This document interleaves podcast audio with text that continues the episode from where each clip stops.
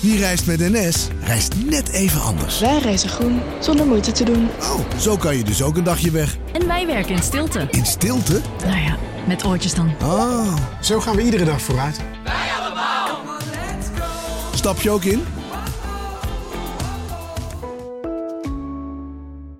Bij een juridisch conflict kun je het gevoel krijgen dat je in een rollercoaster bent beland. Je wereld staat op zijn kop en je bent de controle even helemaal kwijt. Dan is het fijn als je bent verzekerd bij ARAG. Daar werken topjuristen en advocaten die je begrijpen. Die een stap extra voor je zetten. En je het gevoel van controle teruggeven. Met kennis en informatie, met heldere uitleg en met gericht advies. ARAG, juridisch probleemoplossers.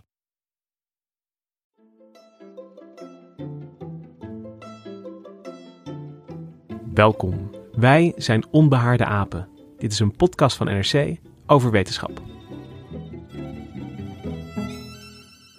Do you have a headache or feel tired slash weak slash fatigued? Have you don't have any coronavirus symptoms? I would still recommend you to Thank you, Robert. Thank you.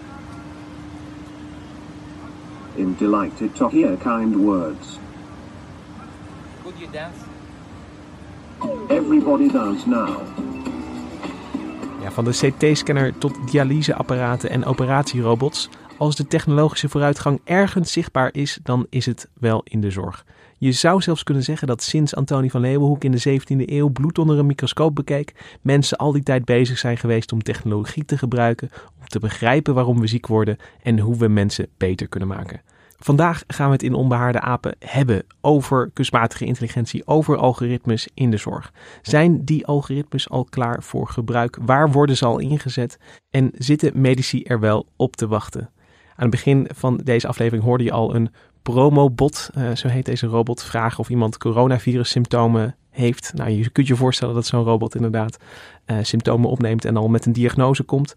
Is dat wel een eh, fijn idee? En daarom is vandaag aangeschoven medisch redacteur Nicky Korteweg. Ja, hoi Lucas. Hey Nicky. En eh Lisa van Lonkhuizen. Hallo. Hey, jij bent redacteur gezondheid en economie bij NRC. Dit is jouw eerste keer in Onbehaarde Apen. Maar vorige week had je ook al een hele mooie podcast eh, opgenomen in NRC Vandaag over eh, een eh, experiment. Ook met algoritmes in de zorg. Eh, vandaag gaan we het eh, even een stapje terugnemen en eventjes in een helikopterblik daaroverheen vliegen. Ehm, we gaan eerst een uitstapje maken naar de radiologie en eh, naar de dokters die zeg maar plaatjes maken van eh, lichamen en hoe zij kunstmatige intelligentie gebruiken. En daarna gaan we ook nog even kijken naar de pathologie, naar de doktoren die naar cellen kijken en eh, hoe die zich gedragen. Ehm, ik zei in het begin al, kunstmatige intelligentie, die rukt op, maar de zorg is al heel erg lang toneel van technologische verandering. En ik vroeg me af, Nicky, is dat ook jouw beeld? Zijn, zijn doktoren eigenlijk best wel bereid om technologische innovaties te omarmen? Nou, die indruk krijg ik wel. Ehm, de onderzoekers en de artsen die ik spreek, die, die zijn er wel eh, voor te porren. Zeker op dit gebied. Ehm, maar ik heb ook wel ehm, AI-ontwikkelaars gesproken. En die vinden juist dat het allemaal veel te lang duurt. En dat ze veel te conservatief zijn in de zorg. Er is een, eh, een, een spanningsveld. Ja, ervaar jij dat ook, Lisa, dat de, de mensen die de apps en technologie maken, dat die eh, heel graag staan te trappelen eigenlijk en dat de doktoren een beetje op de rem staan? Ja, en ik begrijp dat ook wel voor een deel, want iets kan wel goed lijken te werken, maar je moet het wel wetenschappelijk onderzoeken. En daar zijn de artsen natuurlijk van. Van ja, we moeten dit wel eerst hier goed onderzoeken en dan nog valideren. En dan hebben we misschien een idee van of dit werkt. Dus en die eh, datawetenschappers die zijn wat, eh, die willen wat sneller. Ja, die zijn een beetje, die willen door. En eh, met reden, want zij zitten natuurlijk helemaal aan dat eh, front van de ontwikkeling van, van algoritmen. En die, en die mensen zien ook wat daar allemaal mee kan. Ehm, we gaan vandaag beginnen met de radiologie. En waarom is dat een eh, goed punt om te beginnen, Nicky? Ja, in de radiologie zijn ze al heel erg lang gewend om digitaal te werken. Die röntgenfoto's die gemaakt worden van allerlei lichaamsdelen, die worden digitaal eh, opgeslagen en beoordeeld. Al sinds een jaar of nou, zeker twintig. Ehm, dus er is een enorme hoeveelheid gegevens beschikbaar. De beelden, maar ook de, de diagnoses die er, daaraan hangen, de behandelingen die daaraan eh, aan die patiënten gegeven zijn, de uitkomst daarvan. Dus er zijn al heel veel gegevens die je allemaal kunt voeden aan eh, computers. Er ligt eigenlijk al een berg data te wachten op eh, interpretatie door, door kunstmatige Ja, intelligentie. een berg digitale data. Ja, en hoe, dat, hoe die gegevens nu gebruikt worden ehm, door een radioloog, kun je daar iets over vertellen? Want, want die, die beelden worden uh, gemaakt. En is een, is een radioloog eigenlijk dan de hele dag bezig met kijken naar plaatjes van verschillende lichaamsdelen? Ja, een radioloog kijkt uh, heel veelvuldig naar, naar die röntgenafbeelding. Dat zijn nou, plaatjes bijvoorbeeld van een, platgedrukte borst. Um, dat is een zwarte afbeelding en daar zie je dan uh, de contour van die borst op en een soort wolkig, uh, wolkige structuur van weefsel binnenin die borst, wat normaal gezond weefsel is. En daarbinnen zie je dan weer, als je geoefend oog hebt, um, ja, extra witte plekken of uh, verdikkingen die op kanker zouden kunnen wijzen. Dus ja, je moet enorm getraind zijn om die, die uh, mogelijk kwaadaardige dingen eruit te kunnen halen. Ja, en uh, dat getraind zijn, kijk, van, van radiologen weten we dat ze een, een lange opleiding uh, hebben gehad.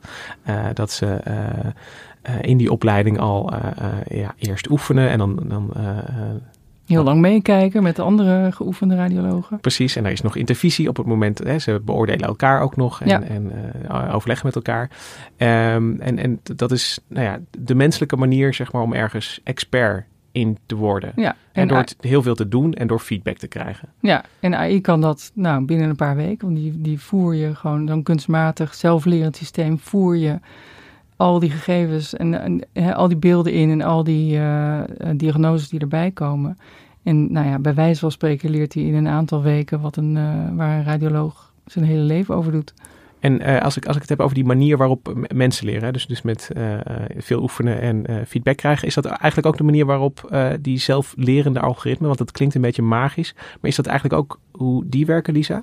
Ja, zeker. Het lijkt gewoon heel erg op elkaar wat de radioloog doet en wat kunstmatige intelligentie doet. Het gaat namelijk om het herkennen van patronen. Dus je ziet bijvoorbeeld een, een ja, een rondje en daar zit een uitstulpsel in. En jij hebt geleerd, doordat je het heel vaak hebt geoefend, dat dat kan wijzen op een bepaalde afwijking. En dat is ook hoe kunstmatige intelligentie is getraind. Van dit kan wijzen op een bepaalde uitkomst. Dat blijkt uit heel veel andere foto's. Dus eigenlijk ja, lijken die disciplines zo erg op elkaar dat kunstmatige intelligentie best wel goed kan helpen daar. Ja, en is het dan, uh, uh, je hebt dus al dat, dat beeld al beschikbaar, maar je moet dus nog wel een, een algoritme, zeg maar, uh, net zoals je een arts moet trainen, moet je ook nog het algoritme trainen. Ja. Ja, en dat is de reden waarom het in de radiologie al, die kunstmatige intelligentie zo'n grote vlucht heeft gemaakt, is omdat in 2012 dat soort zelflerende systemen ineens heel goed werden in het heel nauwkeurig die beelden bekijken. Dat, daar, sindsdien heeft het echt een enorme vlucht genomen. Dus die twee uh, dingen samen, de, grote hoeveelheid digitale gegevens aan de ene kant en aan de andere kant die uh, grote vlucht die sinds 2012 de zelflerende systemen nemen. Dat zorgt ervoor dat nu binnen die radiologie uh, die kunstmatige intelligente systemen zo in opkomst zijn. En dan lijkt me dat er toch nog één verschil in zitten tussen het algoritme en de dokter. En, en dat is dan dat de dokter tenminste uh, weet uh, waarom hij het doet. Uh, en die kun je, een dokter kun je ook nog uit vertellen van, ja, je moet op dit soort dingetjes leggen, letten, want dat kan op kanker duiden. Um, is, is dat niet een probleem bij een, bij een algoritme dat je dat, hè, dat je niet kan uitleggen of vragen van waarom iets gevaarlijk of belangrijk is? Ja, en een algoritme die geeft gewoon een uitkomst. Die zegt niet, uh, ik weet niet zeker, maar die zegt, uh, ja, die geeft een uitkomst. En daarom moet de radioloog heel goed snappen ja, waar, waar het algoritme het op gebaseerd heeft. Want zo kan je zo'n oordeel op, op waarde schatten. En wat ook een probleem is bij zo'n algoritme, is dat ja, je vraagt een algoritme, is dit borstkanker ja of nee? En dan geeft hij uh, ja, een kansberekening of zegt hij ja of nee. Maar misschien dat er wel iets heel anders gebeurt in dat borstweefsel of, of in die andere foto, waar het algoritme niet op let. En een radiologe-oog is getraind op duizenden diagnoses. Dus, dus het onverwachte vinden, dat, dat kan een algoritme nog niet zo goed. En een radioloog kan dat wel. Ja, dus je zou kunnen zeggen dat uh, een algoritme is dan heel erg nuttig als je, uh, als je de taak heel goed kan definiëren en, en omschrijven. Ja, het moeten specifieke taakjes zijn. Je ja. moet heel specifiek weten wat, ja, wat, wat je een algoritme vraagt. Maar je kan niet verwachten dat hij zomaar even een diagnose stelt als jij je niet zo lekker voelt. Want dan kan het van alles zijn en dat, dat kan een computer echt nog lang niet. Ja, ja dus dat algoritme dat werkt heel goed als je, de, uh, als je weet wat je uh, um, aan hem moet vragen. Maar gebeurt dat nu ook al, Nicky? Want we hebben het nu steeds over een soort mogelijkheid en een abstract algoritme. Maar zijn er al plekken waarbij een algoritme uh, radiologische beelden beoordeelt? Ja, zeker. In Amerika gebeurt het al, uh, nou, ik denk sinds de jaren negentig. Uh, dat, is natuurlijk ander, dat zijn ander soort uh, intelligentiesystemen dan die we nu hebben, want nu is de intelligentie veel beter. Maar uh, in borstkankeronderzoek wordt er echt, worden er heel veel systemen ontwikkeld. Er zijn er nu zo'n tien uh, goedgekeurd om, om te gaan gebruiken in klinische praktijk. En um, begin dit jaar is er een heel grote studie gepubliceerd door onderzoekers van Google, Google Health en, en DeepMind. En uh, zij hebben echt enorme hoeveelheden gegevens van uh, Engelse vrouwen en Amerikaanse vrouwen in dat systeem ingevoerd. En dat systeem, nou, dat is minstens even goed als de radiologen en soms zelfs ietsje beter. People in the medical community are saying this research is a game changer. One London based doctor who worked on this study said he was surprised at just how good the artificial intelligence system was at spotting cancer. The study worked with dozens of doctors and researchers across the US and UK, and these individuals worked with Google Health to train an artificial intelligence system to spot breast cancer. Let's take a look at some of the key results and key figures for you. In this study, the AI system was used in the US. There was a 9.4% reduction in false negatives. That means doctors missed the cancer sometimes, but with AI, they spotted cancer 9.4% more. Ja, een game changer, Nikki. Dit, uh, dit verandert uh, de radiologie. Is het zo uh, eenvoudig en, en, werkt het allemaal zo prachtig als dat het klinkt in dit fragment? Nee, het werkt wel al heel prachtig. Het is echt wel zo dat, dat die AI op dit soort, in dit soort studies hè, even goed is of, of al een beetje beter dan de radioloog. Um, maar er zijn wel nog heel veel haken en ogen aan. Dit systeem is ook nog niet goedgekeurd, bijvoorbeeld voor het gebruik in de klinische praktijk. Omdat het, ja, het werkt nu voor deze groep. Um, deze twee groepen. Ze hebben in, bij Amerikaanse vrouwen gekeken en bij een uh, Britse populatie. En dat is al bijzonder, omdat je met dit soort systemen. We hadden het net al over, je, je traint ze op een bepaalde dataset. En om op een bepaald aspect te letten.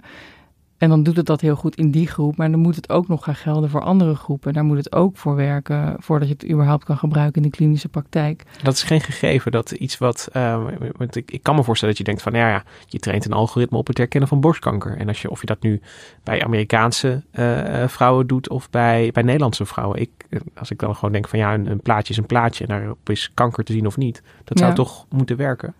Zou je denken, ja, maar dat, dat is in de praktijk toch niet helemaal waar, omdat die uh, die algoritmes, die systemen, die worden dan getraind op een bepaalde vorm van kanker of op een bepaalde aspect en, en voor een groep.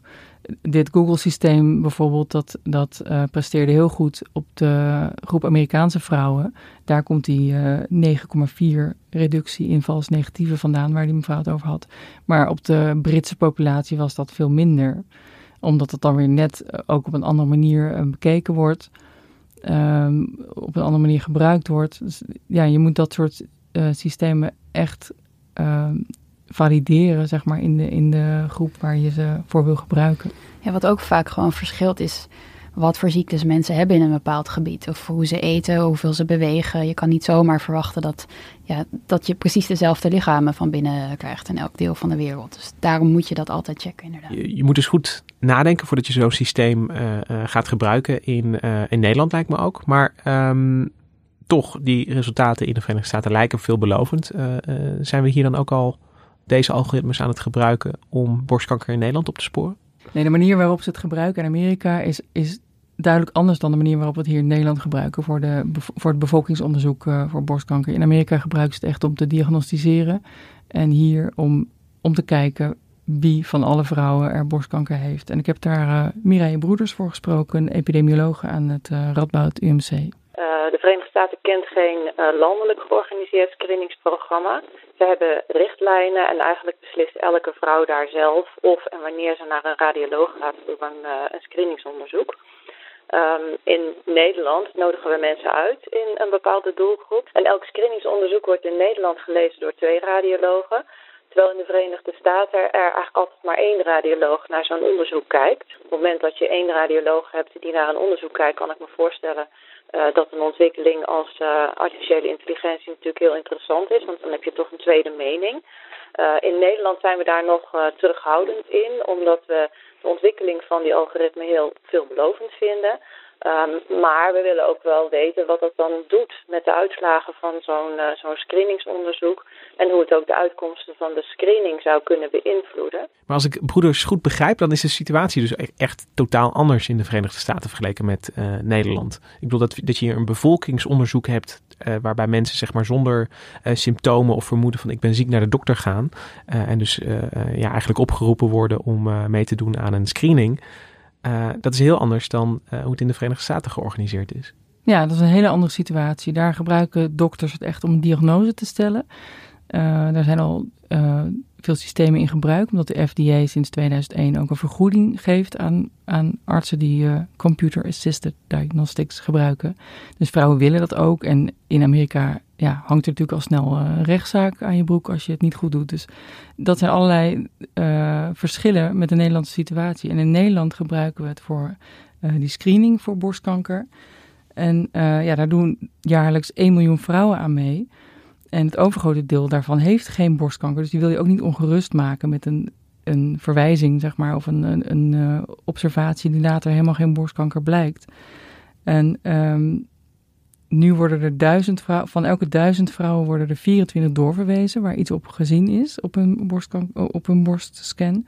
En daarvan hebben er zeven ook echt borstkanker. Dus en ook een grote groep heeft dat niet. dus je moet en je wil heel... natuurlijk niet dat dat nog meer wordt. Dat zo'n, dat zo'n AI-systeem nog veel meer uh, gevallen eruit pikt... waar uiteindelijk toch niks mee blijkt. Ja, en uh, het ging eerder in deze aflevering al even over het, het concept vals negatief. En, en dat is dus eigenlijk het, het, uh, het ergste, zou je kunnen zeggen. Dus dat is dat je onterecht een kanker mist eigenlijk. Ja, dus in de VS gebruiken ze een algoritme om om gevaarlijke plekjes aan te wijzen. En als er ook maar iets aangewezen wordt, dan zullen ze een vrouw altijd gelijk doorsturen, want ze willen geen rechtszaak aan hun broek. Dus daar zijn ze vooral bezig met het voorkomen van dat soort vals negatieve. Terwijl in Nederland wil je juist die vals positieve zo klein mogelijk houden. Dus vrouwen waar, geen, waar niks mee aan de hand is, die toch uh, dat alarm krijgen. Nou, als een radioloog bijvoorbeeld door zo'n algoritme op dingen gewezen wordt in een mammogram uh, die hij of zij zelf nog niet gezien had, ja, dan kan dat ook de kans vergroten dat hij, hij zij daardoor onzeker wordt uh, en wellicht meer vrouwen gaat verwijzen. Uh, terwijl we in Nederland juist heel goed proberen die balans te houden tussen wel de vrouwengroep ontdekken die borstkanker hebben, maar ja, liefst zo min mogelijk vrouwen doorverwijzen naar het ziekenhuis. En later blijkt uh, dat er geen borstkanker is. Dus in Nederland doen we een miljoen screeningsonderzoeken per jaar. Dus zelfs al gaat zo'n verwijscijfer maar een klein beetje omhoog, dan gaat dat toch al vaak over duizenden vrouwen.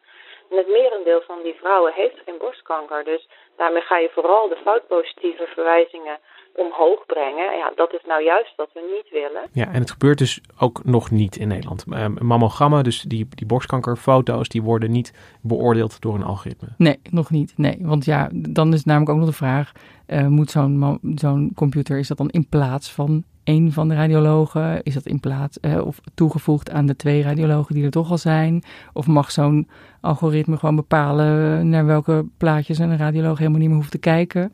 Ja, dat, dat zijn allemaal vragen uh, waar nog een antwoord op, moet komen. Ja, voor het zoeken naar tumoren en afwijkingen in cellen kan ik me heel goed voorstellen dat de radioloog, zeg maar in de zoektocht naar kanker, die al die afbeeldingen kan gebruiken. Is dat dan ook de, uh, de enige manier waarop zeg maar, beeld wordt ingezet uh, om algoritme aan het werk te zetten?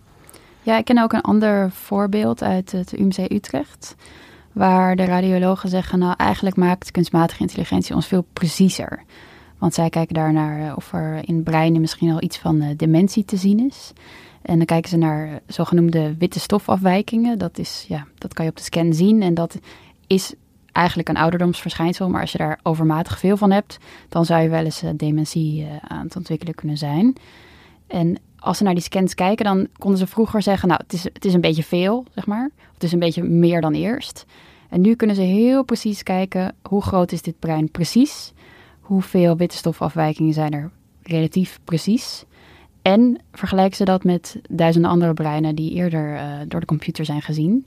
Dus ze kunnen gewoon heel erg, heel erg precies tegen de patiënt zeggen wat er aan de hand is en waar dat op kan duiden. Dat vertelde Wouter Veldhuis me, die uh, radioloog uh, die ik heb bezocht in het UMC Utrecht. Als wij daar als uh, neuroradiologen naar kijken, dan zeggen we: hé, hey, deze patiënt heeft nu meer witte stofafwijkingen dan een jaar geleden. Dan hoor je al aan, dat is natuurlijk relatief imprecies. Hoeveel meer dan denk je en waar zitten die? Dan hebben we dus een neuraal netwerk en die kan die witte stofafwijkingen vinden en die kan zeggen het is van 22 milliliter naar 24 milliliter gaan. Dat is al veel preciezer. Ja, dus je laat hier de algoritme eigenlijk iets uh, anders doen. Je, uh, um, je bent een, een, soort omvang van, van iets aan het meten op een, op een niveau dat niet eerder uh, kon gewoon. Dus, dus hierbij laat het, ja, verbreedt het algoritme eigenlijk wat je überhaupt kan zien in zo'n brein, als ik het goed begrijp. Ja, het maakt je beter, het maakt je preciezer, wat ook belangrijk is natuurlijk voor de arts. Ja, dus, dus dan, um, dan heeft de, de, de, de arts kan dan, uh, heeft meer informatie, zou je kunnen zeggen, tot de beschikking. En dus, dus die helpt niet zozeer bij uh, een diagnose wel niet kanker, maar je geeft de arts eigenlijk meer informatie om een om een beslissing te nemen of om te volgen hoe het met iemand gaat. Ja, dus minder op het blote oog en meer ja, gebaseerd op feiten. Ja. Preciezer rekenen, ja. En zijn dit dan ook zelflerende algoritmes die, die ook uh, slimmer worden, zeg maar, naarmate ze dan meer uh, van deze patiënt zien? Ja, hij heeft echt uh, volgens mij 10, 20 jaar aan afbeeldingen van breinen ingevoerd in de computer. En dus ja, zo de computer geleerd om heel precies daarin te worden. Dus ja. dit gaat echt om ongelooflijk veel ja, breinen, wordt het mee vergeleken. En zijn al die uh, radiologen die al die uh, uh, foto's van breinen aan, het, aan algoritmes aan het voeren zijn en al die mammogrammen, zijn die niet eigenlijk bezig om hun eigen werk dan overbodig te maken? Ja, dat is wel heel grappig. Er wordt ook wel eens gezegd, althans dus een keer bij, door een wetenschapper bij Google gezegd van we moeten nu stoppen met het trainen van radiologen, want dat heeft geen zin meer. Nou, dat is echt onzin natuurlijk. Ja, dat is iets wat je, dat hoor je heel vaak, hè? dat lees je ook in de kranten. Laatst weer een hoogleraar die dat schreef van mijn software is beter dan de radioloog.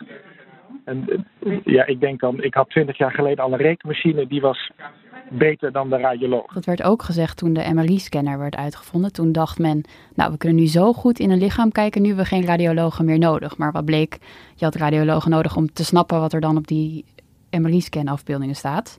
Dus ook hier geldt dat. Al is dit wel echt de grootste verandering ooit voor radiologen. Dit, dit zet het beroep echt op zijn kop. Maar het maakt het beroep anders en het zorgt niet dat je niet meer nodig bent. Je bent misschien nog wel veel harder nodig. En ik vergelijk het eigenlijk met soort, je krijgt een soort enorme gereedschapskist met allemaal algoritmen die je misschien koopt of zelf ontwikkelt of waar dan ook vandaan haalt. En dan moet jij, word je eigenlijk een soort datawetenschapper. Dus dan moet jij gaan kijken van oké, wat, is, wat werkt het beste voor mijn patiëntenpopulatie? Hoe komt het algoritme erop? Kan ik dat vertrouwen? En hoe ga ik uitleggen aan de patiënt dat de computer dit zegt en waar die dat op baseert? Dus je moet heel anders gaan de denken. En je moet eigenlijk heel goed kunstmatige intelligentie snappen om te weten ja, wat het beste werkt. Dus je, wordt van radioloog word je een datawetenschapper. Ja, dus er wordt eigenlijk wel een heel andere takenpakket van je verwacht uiteindelijk. Dus dat lijkt me ook best wel spannend, uh, nu die ontwikkeling zo gaande is. Uh, en kan ik me ook voorstellen dat er radiologen zijn die daar niet per se om te springen staan. Ja, en wat mij opviel is dat er eigenlijk op radiologieopleidingen dat er best wel weinig nog mee wordt gedaan. En ik vond dat heel raar. Er werd gezegd, nou, we doen er ongeveer een paar dagdelen iets mee op de studie. En dan heb je het misschien nog in je stage. Er wordt wel gekeken naar hoe dat uit te breiden. Ik, ik vond het zo, klinken als zo weinig. Maar de radioloog waar ik eh, eerder over sprak, Wouter Veldhuis, die zei ook van ja, het komt ook omdat we gewoon zelf nog niet zo goed weten wat we moeten onderwijzen. Want wij moeten, zijn ook nog aan het uitvinden hoe dit allemaal werkt. Dus voordat je hier een lesboek over hebt ontwikkeld, ja, ja, dat gaat gewoon niet zo snel allemaal. Het is, het is een beetje vroeg om uh, nu al te klagen dat uh, de medische studenten van nu te weinig uh, datavakken hebben in hun pakket. Nou, ik klaag er een beetje over, maar mag niet te veel klagen. En dan, en dan langzaam steeds meer, naarmate de Precies, ontwikkeling ja. zich, zich voortzet. Ja. ja. dat begint nu wel in te zetten, volgens mij, dat de universiteiten daar wel wakker, dat ze wakker worden en dit ook hun, hun studenten willen gaan aanbieden. Ja, dus dat de radiologie uh, in ieder geval gaat veranderen, dat is wel duidelijk. Maar de radiologieafdeling is maar ja, één afdeling in het uh, ziekenhuis. En er zijn er nog veel meer. Um, ik zei het al aan het begin, we gaan het ook even hebben over de pathologie. Ehm, even voor mezelf ook weer, wat doet een patholoog ook alweer? Ja, dat is eigenlijk de volgende stap. Hè. Stel je hebt op je röntgenfoto is er een vlekje te zien dat mogelijk borstkanker is. Dan wordt dat daarna echt goed onderzocht om te kijken of dat zo is. En een van de dingen die gedaan kan worden is dat er een biopt wordt genomen, een stukje weefsel uit die borst, uit dat uh, verdachte gebiedje. En dat wordt dan in hele dunne plakjes gesneden en aangekleurd en op een glaasje geplakt. En dan gaat een patholoog er naar kijken onder de microscoop. En dan zie je echt een, een zee van roze aangekleurde cellen en ja, dan moet je dus als patholoog heel goed weten waar je op moet letten. Of een cel er gezond uitziet, of het misschien kanker is, uh, en in welke fase van kanker, welk stadium. Um, dus daar moet je ook weer enorm getraind voor zijn. En dat is natuurlijk bij uitstek ook weer iets wat een computer, wat een zelflerend algoritme heel goed zou kunnen. Als je die, al die beelden voert, uh, ja, dan kan hij dat gewoon uh, voert en de, en de diagnose erbij en alles. Dan, dan kan hij daar gewoon zelf leren wanneer iets kwaadaardig is en wanneer niet. En, en nu stel ik me uh, bijna, ja, het is bijna het klassieke beeld van uh, de arts in zijn uh, witte jas met een microscoop voor zich. maar wat jij beschrijft met het aankleuren van die cellen en op een glaasje leggen en onder de microscoop bekijken, dat, is, dat speelt zich nog heel erg af in de, de, de analoge wereld. Ja. waarbij je met die röntgen- en MRI-systemen misschien al direct foto's op een harde schijf hebt staan. Dan is dat niet voor elke pathologieafdeling het geval, stel ik me zo voor. Nee, dat, is ook echt iets wat nog nou, nu een beetje begint te komen. Sommige afdelingen zijn al, al een aantal jaren digitaal, maar de meeste uh, nog niet.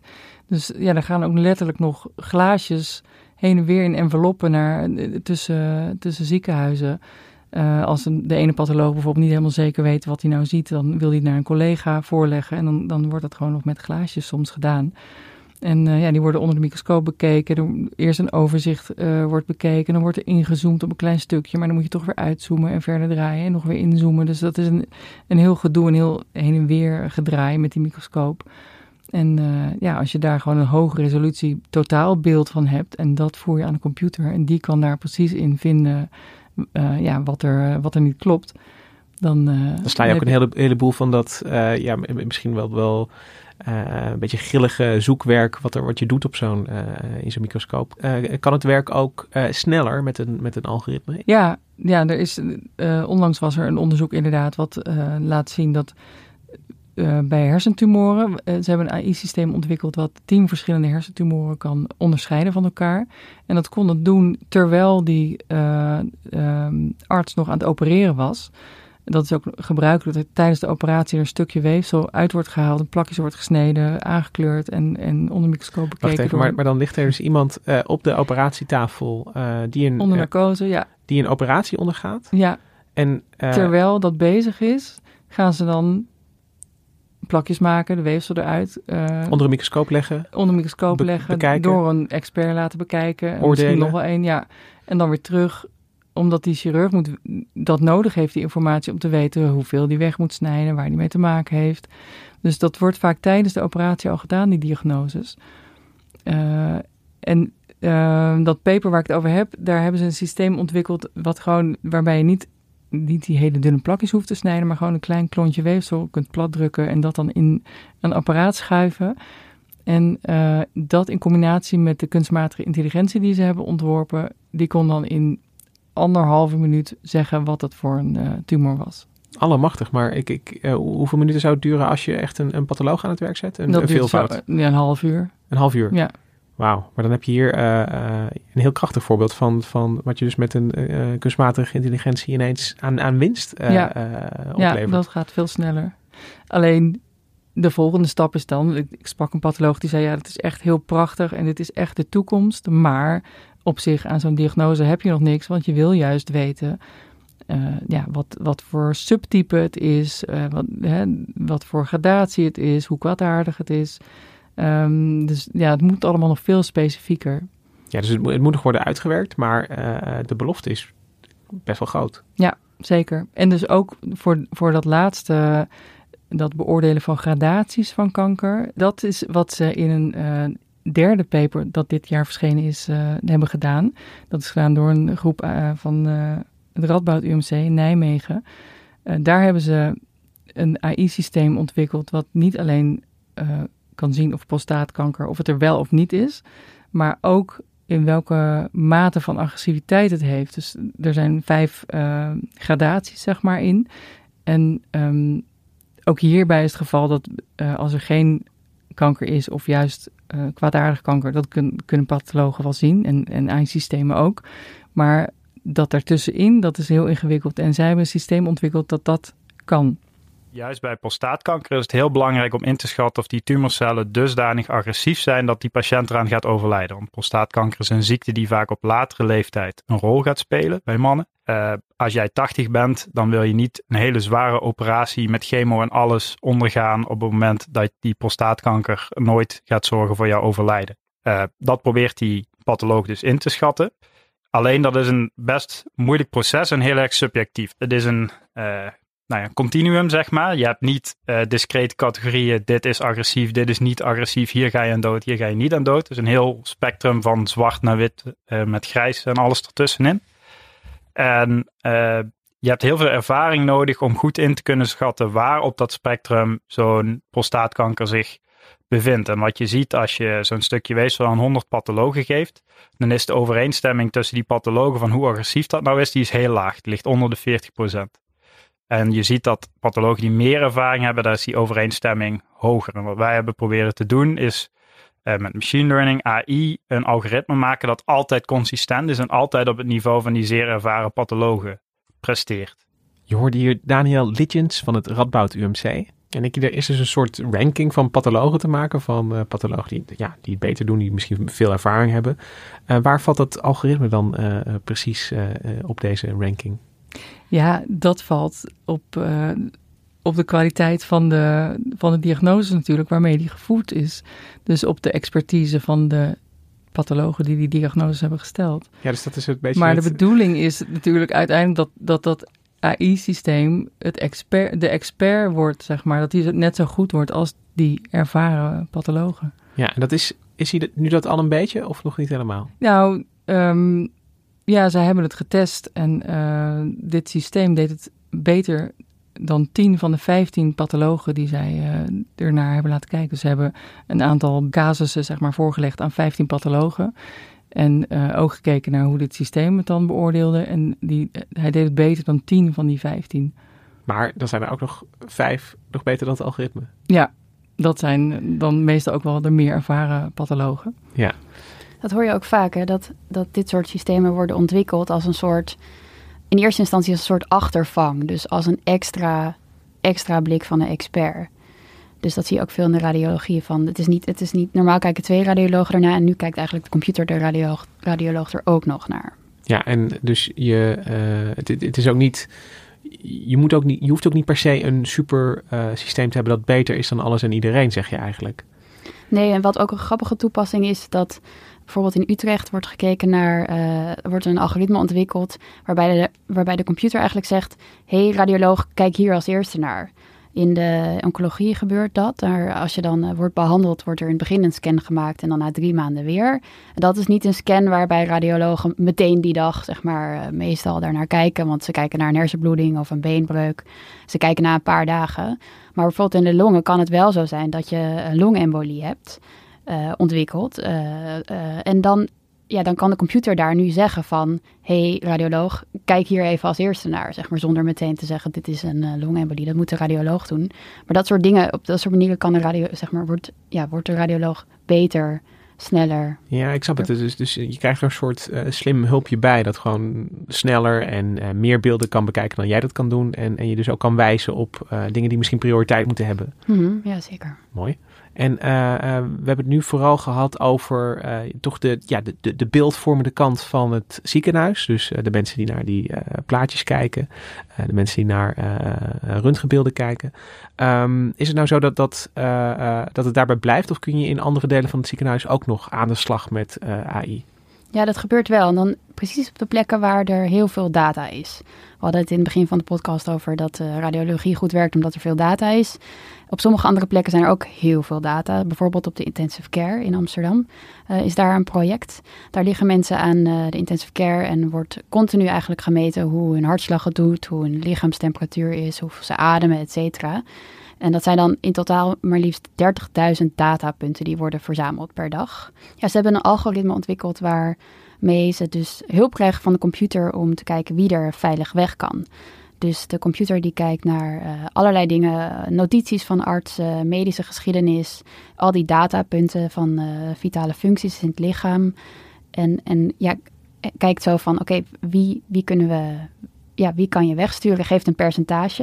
En het grappige is, is dat er daarbij ook is gekeken naar overlijden. Dus wie kan je veilig wegsturen naar een andere afdeling? Of ja, heeft een risico op overlijden. Want als je dat niet mee zou nemen, zou de computer denken: oké, die kunnen we wegsturen want die overlijdt. Maar een computer is heel neutraal. Die ziet, ziet het dan als iets positiefs. Als je vraagt aan een computer... Kan deze weg? Kan deze weg en komt hij niet meer terug? Dan zegt de computer, ja, die komt niet meer terug. Maar hmm. dat is natuurlijk niet wat je wil. Dus... Dat moeten ze misschien nog even erin programmeren dan. Ja, dat hebben ze dus gedaan. Dus de vraag aan, die aan de computer wordt gesteld is...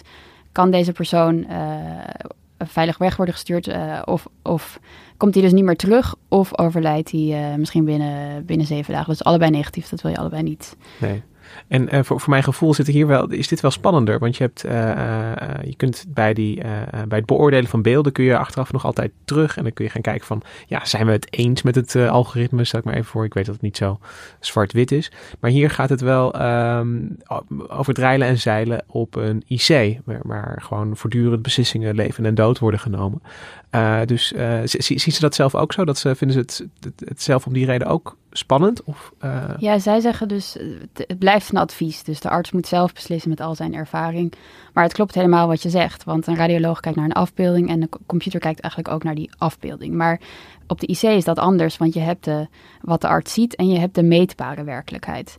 Dus ja, bijvoorbeeld een patiënt ligt en ja, slaakt heel veel pijnkleten uit. Of die is een beetje geel. En de, dus dat, dat is nog niet door de verpleegkundige opgeschreven. Dus ook weer in de computer gevoerd. Dan neemt de computer dat dus niet mee in de beslissing. Dus het is, ja, het is een.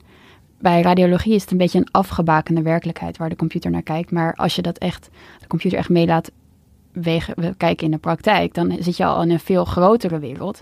En de computer kijkt alleen maar naar precies datgene wat meetbaar is. Ja, en als er iemand ligt te gillen in zijn bed en je hebt de, uh, toevallig geen microfoon opgehangen, dan, dan mis je dat. Als je uh, gewoon op basis van het algoritme beslist. Ja, ik, ik, het is de IC, dus er zal een ver, verpleegkundige in de buurt zijn die dat dus wel opschrijft en ook zeker niet die persoon wegstuurt. Maar ja, ik, snap wat je, dat is ook een beetje wat ik bedoelde inderdaad. Het, is maar, het is maar een deel van, van de werkelijkheid waar de computer naar kan kijken. Ja. En dat wordt wel al gebruikt nu daar dan? Het is nu eindelijk goedgekeurd door de toezichthouder op medische apparaten. Dus ze zijn het nu ja, aan het klaarmaken voor de praktijk. En ze doen daar al uh, de computer laten meekijken naar wat de beste hoeveelheid antibiotica is voor de patiënt. Dus ze hebben daar al ervaring mee. Dus dit gaat echt uh, daar binnenkort gebeuren, ja. Ja. Dat is wel al verder dan in de, in de pathologie bijvoorbeeld, waar nog helemaal, die zijn nog lang niet zo ver. Die, die moeten eerst nog helemaal digitaal gaan, zeg maar. En dan nog tien jaar uh, of twintig jaar data verzamelen. Ja, dus, dus al die uh, verschillende disciplines, die, die, ja, die staan ook anders op het speelbord, zeg maar, als het gaat om uh, het, het, het, gebruiken van AI en algoritme bij, het, bij besluitvorming. Ja. En als ik, ik, ik heb nu naar jullie geluisterd. Uh, en waarbij ik van tevoren misschien nog een beetje dacht dat uh, uh, algoritmes een soort toversaus waren die je gewoon zeg maar in de zorg kan gaan gebruiken. Van ja, hoe kun je daar nou, nou tegen zijn?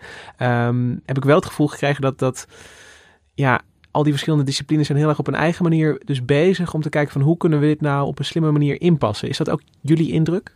Ja, zeker. En dan, dan is radiologie plus AI is gewoon echt een beetje een match made in heaven.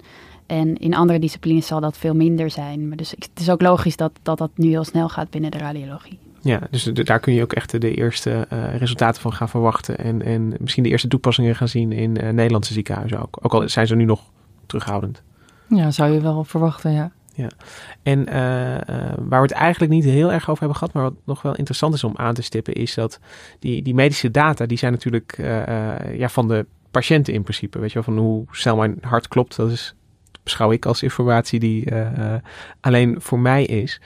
Uh, dus dus um, hoe wordt dat, hoe speelt dat een rol in ja, die verschillende vraagstukken eigenlijk? Ik, kan me voorstellen dat het voor een radioloog speelt ook weer anders is dan voor hele vitale data die je ja, misschien niet op een IC, maar bij een huisarts zou, zou opnemen bijvoorbeeld, is daar, wordt dat goed beschermd? Ja, eh, als jij in het ziekenhuis komt eh, en eh, omdat er, weet ik veel, omdat je je been heeft gebroken, dan en er wordt een foto van gemaakt, dan, dan, dan weet het ziekenhuis dat en die moet dat ook weten. En ook een paar maanden later, dat is zelfs van de, volgens de wet verplicht. Je kan niet als ziekenhuis elke keer je binnenkomt, zeg maar, niet weten dat jij Lucas bent en wat er met je is gebeurd. Dat, zo werkt het niet. Dus die data die zijn er al en die worden al opgeslagen door ziekenhuizen.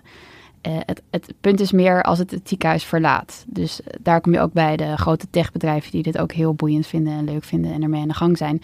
Die verzamelen gewoon gezondheidsdata van miljoenen Amerikanen met grote partnerschappen.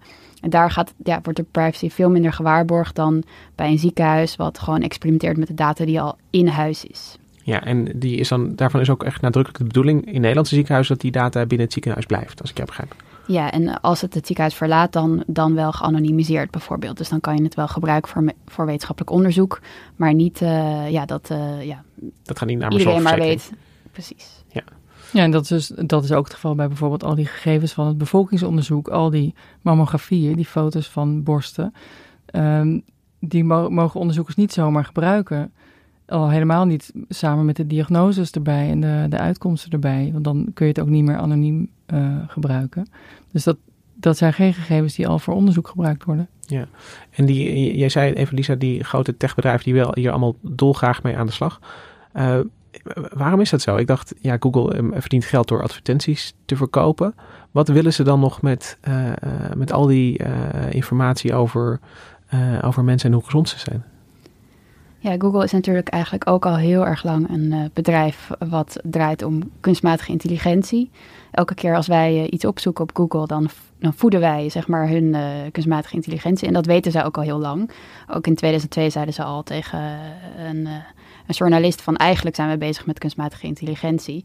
Dus het, is een, het zijn databedrijven en hier zien ze heel goed dat dit ook draait om data. Dat zij er goed in zijn en dat zij hier misschien wel een belangrijke, belangrijke rol in kunnen spelen. Dus zij zijn hier echt, ja, ze springen hier ook op als het ware. Ja, en, kun je je dan voorstellen dat uh, waar je vroeger misschien uh, geld kon verdienen door CT-apparaten te verkopen of een, een, nieuwe dialysemachine, dat de ja, gezondheidsbedrijven van de toekomst eigenlijk een soort algoritme of infrastructuur daarvoor verkopen aan, aan, ziekenhuizen?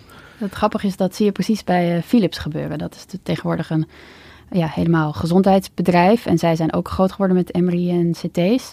Althans, Philips was natuurlijk al heel groot, maar in deze, in deze branche. Uh, maar recent hebben zij dus aangekondigd hun uh, stofzuigers en andere huishoudelijke apparaten te verkopen. En uh, ik ben toen naar Philips gegaan bij die, toen dat nieuws bekend werd en vroeg aan de baas van, ja, waarom? En toen zei hij van, ja, ik zie gewoon grote techbedrijven hier, hiermee aan de gang gaan en ik wil niet achteroverleunen en, en niet ook heel erg investeren in, in deze tak van sport van data-analyse. Dus, dus zij wil eigenlijk dat geld gebruiken van die stofzuigers, zeg maar, om, om ook hierin te investeren. Want ja, dit is de toekomst van zorg. De, de, de toekomst van zorg is tech eigenlijk. Ja, is data-analyse en tech, ja. Ja, nou, ik denk dat we daarmee uh, aan het einde zijn gekomen over deze, uh, van deze aflevering. Uh, Nikki en Lisa, heel erg bedankt voor jullie inkijkje in de kunstmatige intelligentie. Um, Jullie hebben allebei ook recentelijk hele mooie stukken geschreven over uh, precies dit onderwerp. En die zijn in de show notes ook te vinden. En luister ook vooral de aflevering van NRC vandaag terug. Waarin uh, Lisa uh, uitgebreid vertelt over haar ervaringen op de, met de data-analyse op de IC in Amsterdam. Dankjewel voor het luisteren. Wij zijn er volgende week weer met een nieuwe aflevering van Onbehaarde Apen. Vergeet je in de tussentijd niet te abonneren. Zodat je elke nieuwe aflevering gewoon in je podcast-app krijgt. Micha Melita, heel erg bedankt voor de productie van deze aflevering. En het strijkkwartet dat je hoort, dat is het Dudok Quartet uit Amsterdam. Tot volgende week.